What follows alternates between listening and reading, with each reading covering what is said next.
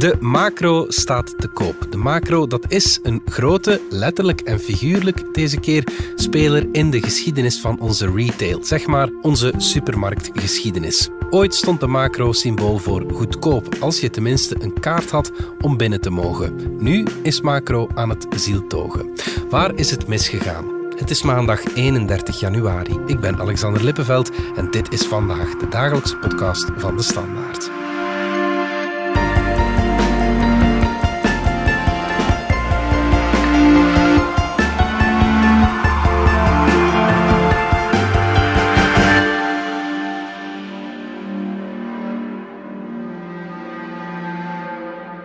Ik kom hier vaak, ja. Al jaren en jaren. Ik vind dat een goede winkel. een beetje ouderwets. Dat vind ik er plezant aan. In die zin dat dat zo... Enfin, je ziet dat hier, hè, maar rommelig een boel dat dat is. Op die parking en met dat gedoe met die karretjes die zo slecht zijn. Heb je zien sukkelen. En ook... Uh, als je binnen gaat, moet je zo door een poortje met speciaal kaartje. En dat vind ik vrij onnozel, want dat heeft eigenlijk geen enkele zin. Je moet daar een half uur naar zoeken. en dan lukt dat dan dikwijls niet. Dus dat is eigenlijk toen mij zo'n beetje aan, uh, aan het oude Rusland prijzen. maar voor de rest vind ik het een fantastische winkel. Allee ja, je hebt alles hier, hè? alles. Dus ik, ik, koop hier kleren en ook bloemkolen en uh, hout en vijzen en schroevendraaiers, noem maar op, schoenen. Dus ik vind, ik winkel niet zo graag. En dus in die zin is dat bijzonder uh, handig. Ja, ja, één keer in de maand komen wij uh, in de macro winkelen. En als uh, klein kindje gingen we hier altijd in, in, een gebouw spelen en zo. En mijn ouders gingen winkelen. En ik moet zeggen, ik ben enorm geschrokken van de actualiteit dat uh, macro zou toegaan. Want goh, ik moet zeggen, ja, ik ben heel tevreden van de macro. Hè. We vullen dat eigenlijk aan met plaatselijke dingen, hè, dus waar we wonen. Maar zo voor het grote, ik heb een groot gezin, uh, ja, kom ik er heel graag, ja. Ja, en vroeger moest je een kaart hebben, alleen als zelfstandige, nu is dat zo niet meer. Dus uh, iedereen is welkom. Het enige wat een nadeel, als ik iets mag zeggen, dat is de karren. Moesten ze in de karren een keer investeren. Pascal Dendoven van onze economie-redactie. Ben jij ooit in de macro geweest? Jaren geleden nog eens uit nieuwsgierigheid. Ja, en, en hoe, hoe was het? Dat beviel me eerlijk gezegd zo niet. Ik vond dat de presentatie van de artikelen er toen niet zo aantrekkelijk uh, uitzagen. Dat als je dan niet weet waar de spullen liggen, ja, verlies je hopeloos veel tijd met dat te zoeken. Ja ja, dat was voor mij toen niet voor herhaling vatbaar. Maar ik was nieuwsgierig, omdat ik daar als klein jongetje daar nog spannende herinneringen had aan overhouden. En mm -hmm. ik wou dat toch nog eens gaan bekijken. Mm -hmm. Spannende ik had daar herinneringen, ook, uh, wat, wat bedoel je daarmee?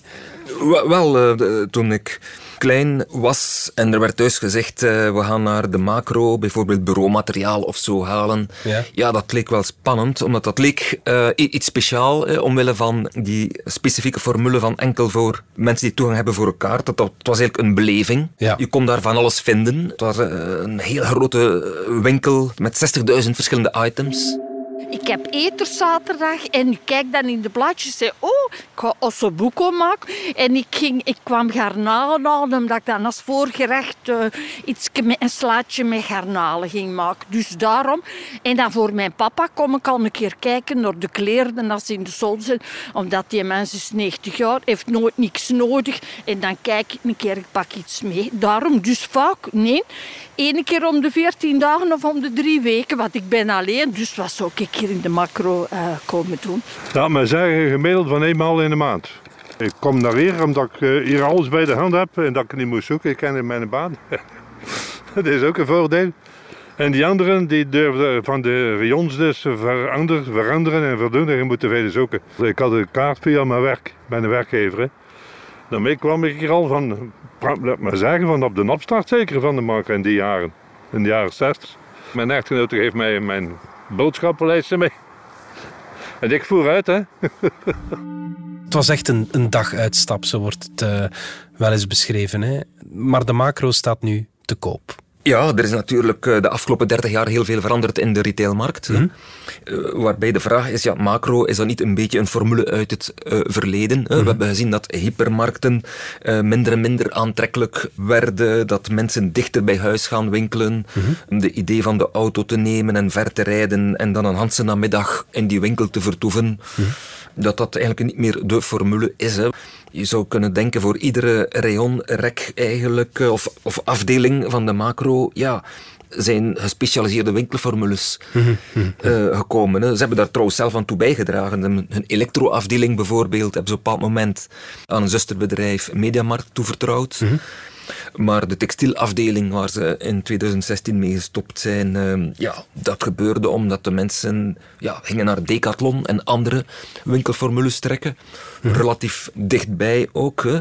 En Macro zelf, die zijn nieuwe plaats zocht in die wijzigende concurrentiële omgeving, eh, begon zo wat fouten te maken, begon in zijn aanbod ook te schrappen, kon ook niet meer zo die sterkste prijs aanbieden.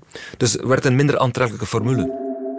Kan je even de geschiedenis van Macro schetsen? Macro is opgericht eh, door het eh, Nederlandse SGV en is vooral in de jaren 70 en 80 in België groei beginnen zoeken. Hè. De eerste Macro opende in Deurne, ten noorden van Antwerpen. Dat was in eh, ja, april 70. Eh, in totaal hebben ze er een zestal geopend, dus het was een selectief net van mammoetwinkels, Ja. waar je alles kon vinden aan de scherpste prijs. Wat heel speciaal was, dat was geen formule, geen retailformule voor de particulieren, maar dat was een groothandelsformule waar je alleen binnen kon met een speciale toegangskaart. En dus dat was voor mensen met een btw-nummer. Ja. En dat was eigenlijk ja, zeg maar de unique selling proposition hè, voor veel van die zelfstandigen en, en KMO's, die, die, of het nu bureaumateriaal nodig was, of elektronica materiaal, of doe het zelf. Je, je ging daar printpapier kopen, inkpatronen, misschien een nieuwe printer, een bureaustoel. Je had direct uw factuur, Ja. eh, in plaats van gewoon kassaticket. Ja. En dat had een duidelijk succes. Je vond er alles en je rekende af en had direct uw factuur. Zeer handig voor in de boekhouding. Ja. Ehm, en het werd dus een sport zo'n kaart te lenen van Ja. iemand die er een had, Ja, ja, ja. om dan ook te kunnen gaan shoppen. Kinderen waren niet, niet toegelaten. Enfin, je mocht ze meebrengen, maar moesten verplicht in de kinderopvang. Waarom, waarom was dat zo? Ik ik denk vanuit de ge- gedachte van dat het... eh, die groothandelsformule gericht op zelfstandigen, KMO's. Ja. Het is geen speeltuin. Hè. Je, je koopt daar, zoals ik zei, eh, wat je nodig hebt voor Ja. uw, uw printmateriaal of uw bureaumateriaal of, of doe-het-zelf materiaal. Hè. Ja. Eh, nu, op een bepaald moment zijn ze daarvan afgestapt. Hè, en is die kinderopvang, ik denk in 2012, dichtgegaan. Hè, en werd ook de toegang eh, tot de macro vergemakkelijkt. ja. Maar dus initieel was dat iets exclusief en, en speciaal. Sinds de verandering er is Solans School. Een tijdje geleden ook verbouwd en voor daarna is het, ja, de prijs is ook niet meer interessant. Meer concurrentie met de andere winkels. Dus eigenlijk is het niet meer aan de hou. Echt interessant om te komen. Van klein was ik ook nog in de opvang geweest. En ik vond dat leuk. Dan denk ik, als ik, mijn ouders kwamen dan terug en dan in het restaurant iets eten of zoiets. Ja, meer een beetje jeugdsentiment zeker inderdaad van vroeger. We hebben het hier inderdaad zien veranderen. Maar ook ehm, qua eh, bevolking. Of, eh, vroeger vond ik het gezelliger. Eh, er waren meer producten zo. Nu zijn de schappen soms leeg omdat het eigenlijk, ziet het, te weinig personeel is. Die je niet kunt bevragen als je iets zoekt. Ze zijn hier ook eh, heel vriendelijk en eh, behulpzaam. Als je ze natuurlijk vindt, want dan hebben we wel gezien eh, in de loop der tijden. Vroeger waren er veel meer mensen beschikbaar dan eigenlijk nu om je te helpen. Want het is toch een groot warenhuis waar je veel producten ter beschikking hebt. Pascal, je zei het al, mooie liedjes duren niet lang. De macro zit in slechte papieren. Hè? Dat klopt, hè. en ze zitten al ehm, eigenlijk sinds ehm 2010, 11, 12 is dat begonnen. Hè, dat die omzet echt onder druk kwam, die winstgevendheid ook. In 2010 haalde de groep in België nog een omzet van 1,3 miljard met macro. Daarop werd een bedrijfswinst geboekt van 52 miljoen. Maar in 2020 bleef van die 1,3 miljard omzet nog maar 751 miljoen over. En dat was dan een bedrijfsverlies van 43 miljoen. Ja. Je zag die afslakking ook in het aantal personeelsleden van, van meer dan 3000 in goed eh 10, 12 jaar geleden. Het was al gezakt naar 1884 in 2020. Ja, oké. ja, Die ja. retailmarkt is natuurlijk een zeer dynamische markt. Hè. Er ontstaan nieuwe formules, bestaande formules moeten zich heruitvinden. Je hebt eh, formules ook die dichter bij huis komen. Internet waar je plotseling alles op vindt. Dus eigenlijk die initiële claim van macro, oké, met zes vestigingen dekken we het hele land af en je vindt alles bij ons aan een scherpe prijs, dat kwam meer en meer onder druk. hè. En dus de redenen om naar een macro te gaan, ja, dat werden er steeds minder. Hè. Vandaar, je- het zijn eigenlijk wat oudere klanten die daar nu nog winkelen, die hen trouw zijn gebleven. Bij het jonger publiek, daar trekken ze relatief weinig consumenten van aan. Opnieuw, ja, waarom zou je, als je mm, op 20 kilometer van zo'n macro woont, eh, waarom zou je de auto inspringen en daar eh, naartoe rijden als je eigenlijk alles in, in de gewone steden vindt of, of online vindt? Ja, ja, Ehm, inderdaad. Ja. ze zijn beginnen sleutelen aan die formule. Een belangrijke commerciële bijsturing was, dacht ik, in 2016, hè, toen ze zeiden van kijk, we gaan stoppen met die elektro. Hè, En dat geven we aan, aan Mediamarkt, aan onze zusterformule. En we gaan zelf meer inzetten op, op interieur, op de zogenaamde witte camionetjes, de witte bestelwagens, is te zeggen de bouwmaterialen, waar je dus met een drive-thru, als je Ja. cement of ander bouwmateriaal nodig had, kon je dat daar vlot oppikken.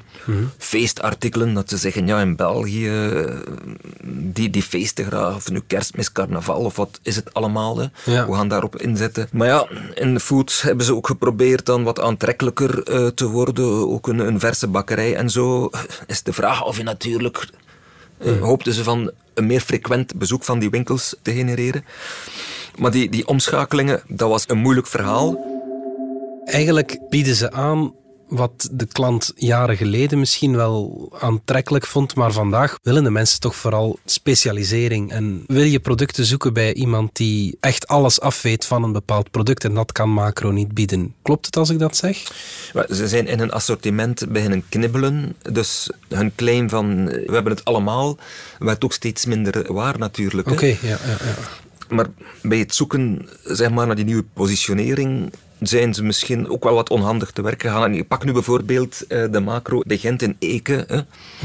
In plaats dat dat van meet af aan die nieuwe formule een geïntegreerd gegeven was, was eigenlijk daar de food en de non-food apart. Je moest terug naar buiten, afrekenen voor de food, terug naar buiten, dan voor non-food. Als je bouwmaterialen nodig had via de drive-in, nog eens apart afrekenen. Ja. Zeg je, we gaan in het restaurant iets eten, ook nog eens apart afrekenen. En we gooien de auto vol.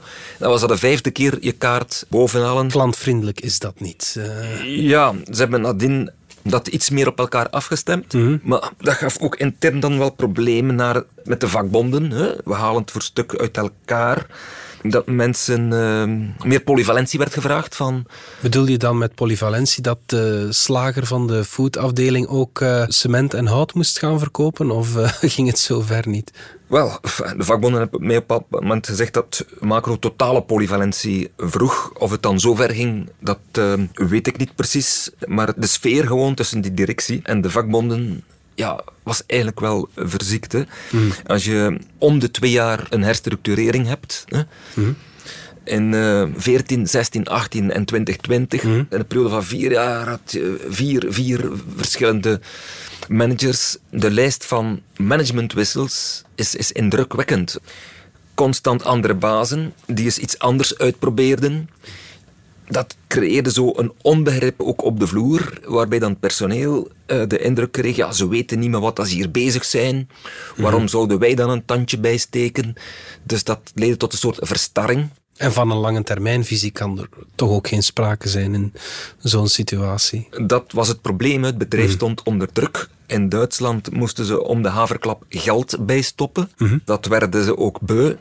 Met die vele directiewissels kwamen er ook andere inzichten en bepaalde formules. Ja, de huidige CEO of landenverantwoordelijke die zegt nu van kijk, we gaan binnenkort, eh, binnen een goede week of zo, maken we onze cijfers bekend over afgelopen jaren. Dan ga je zien dat daar wel een aantal punten goed lopen. Hè. Onze bouwmarkt en doe-het-zelf-formule bijvoorbeeld draait goed. Hè. Uh, ze beweren dat uh, we hebben wel geen textielafdeling meer, maar bijvoorbeeld tijdens het winterseizoen verkopen we nog wel skiassen en dat gaat ook nog. Mm -hmm. Dus die beweert dat er lichtpuntjes zijn en dat die sterke daling van de omzet, op een bepaald moment met 5% per jaar, okay. dat dat allemaal wat in beter vaarwater komt. Ja, ja, ja. Nu, ondertussen is bij de aandeelhouder wel een strategische beslissing genomen. Alles wat onvoldoende bijdraagt tot de groepswinst, of niet bijdraagt, zeg maar, dat gaat eruit. Mhm. Mm -hmm. En dus men heeft eigenlijk in Duitsland, in Düsseldorf, heeft men de knop omgedraaid.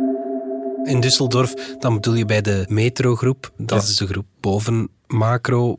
Zij willen dus Macro verkopen, maar een verkoper vinden, ja, wordt dat mogelijk? Is dat niet een heel moeilijke opdracht?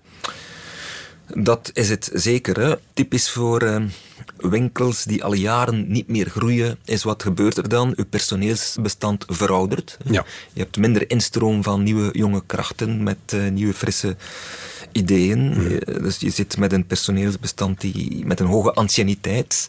Duur. Verhoudingsgewijs ja, duur. In, ja. in, de retail worden geen hoge lonen betaald, maar verhoudingsgewijs Mhm. mm. natuurlijk wel duurder dan bij de concurrentie. Mm. En ja, ook wat minder flexibiliteit eigen aan mensen die in het laatste stuk van hun carrière zitten. Mhm. Dus uh, de geschiedenis van veel spanningen op de vloer, uh, gebrek aan vertrouwen met de directie, dan uh, vakbonden die wat relatief snel in egelstelling gaan. Het gevoel bij veel retailers is van uh, good luck aan de partij die dat koopt. Mhm.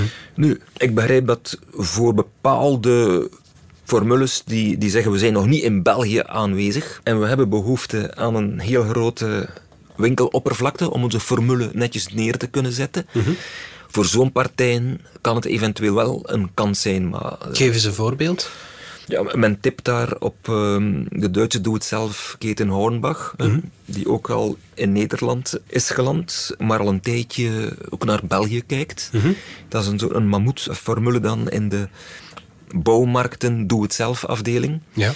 De grote vraag zal zijn van hoe kijken zij aan tegenover de bestaande personeelsploeg? Denken ze dat ze die mensen kunnen hervormen, de Hornbach-cultuur eigen kunnen maken? Mhm.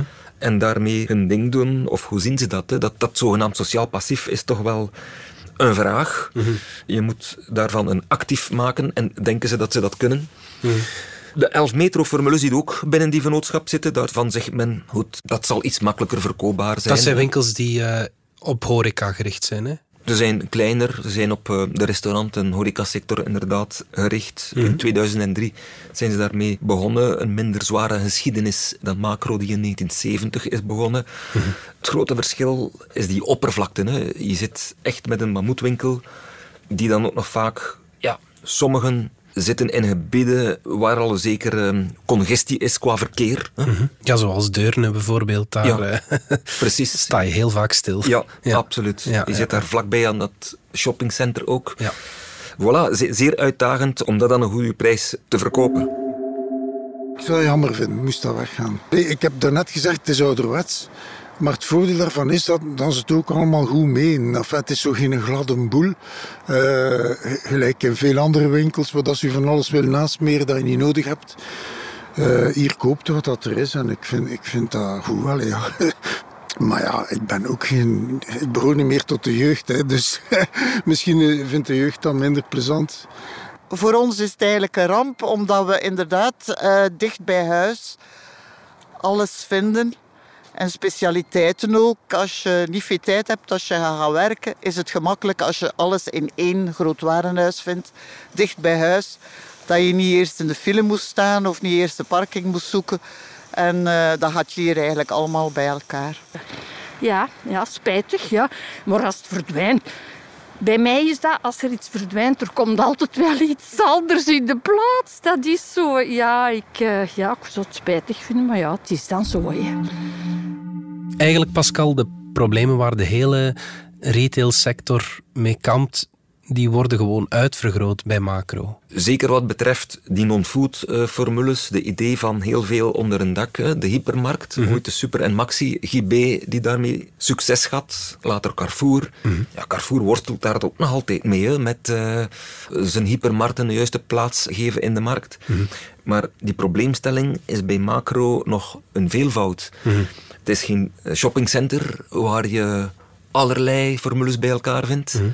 Het is een formule ja, waar je naartoe moet rijden, uren vertoeven voor wat. Je hebt specialisten in uw omgeving. Mhm. Je kunt het online vinden. Als het gaat over food, ja, je hebt tegenwoordig formules zoals Gorillas. In 10 minuten tijd brengen ze het bij u thuis geleverd. Ja. Supermarkten brengen het ook al aan huis. De idee van, ik ga hier mijn auto instappen en ik ga naar de macro om mijn winkelbehoeften in te vullen. Mhm. Het is een formule uit het verleden. Ja, ja. inderdaad. Goed, Pascal den Doven, dankjewel. Dit was vandaag de dagelijkse podcast van de Standaard. Bedankt voor het luisteren. Ken je trouwens DS Podcast al, de podcast-app van de Standaard? Daar luister je niet alleen naar onze journalistieke reeksen, je krijgt ook elke week een eigenhandige selectie van de beste nieuwe podcasts op de markt. Alle credits van de podcast die je net hoorde vind je op standaard.be-podcast. Reageren kan via podcast.standaard.be. Morgen zijn we opnieuw.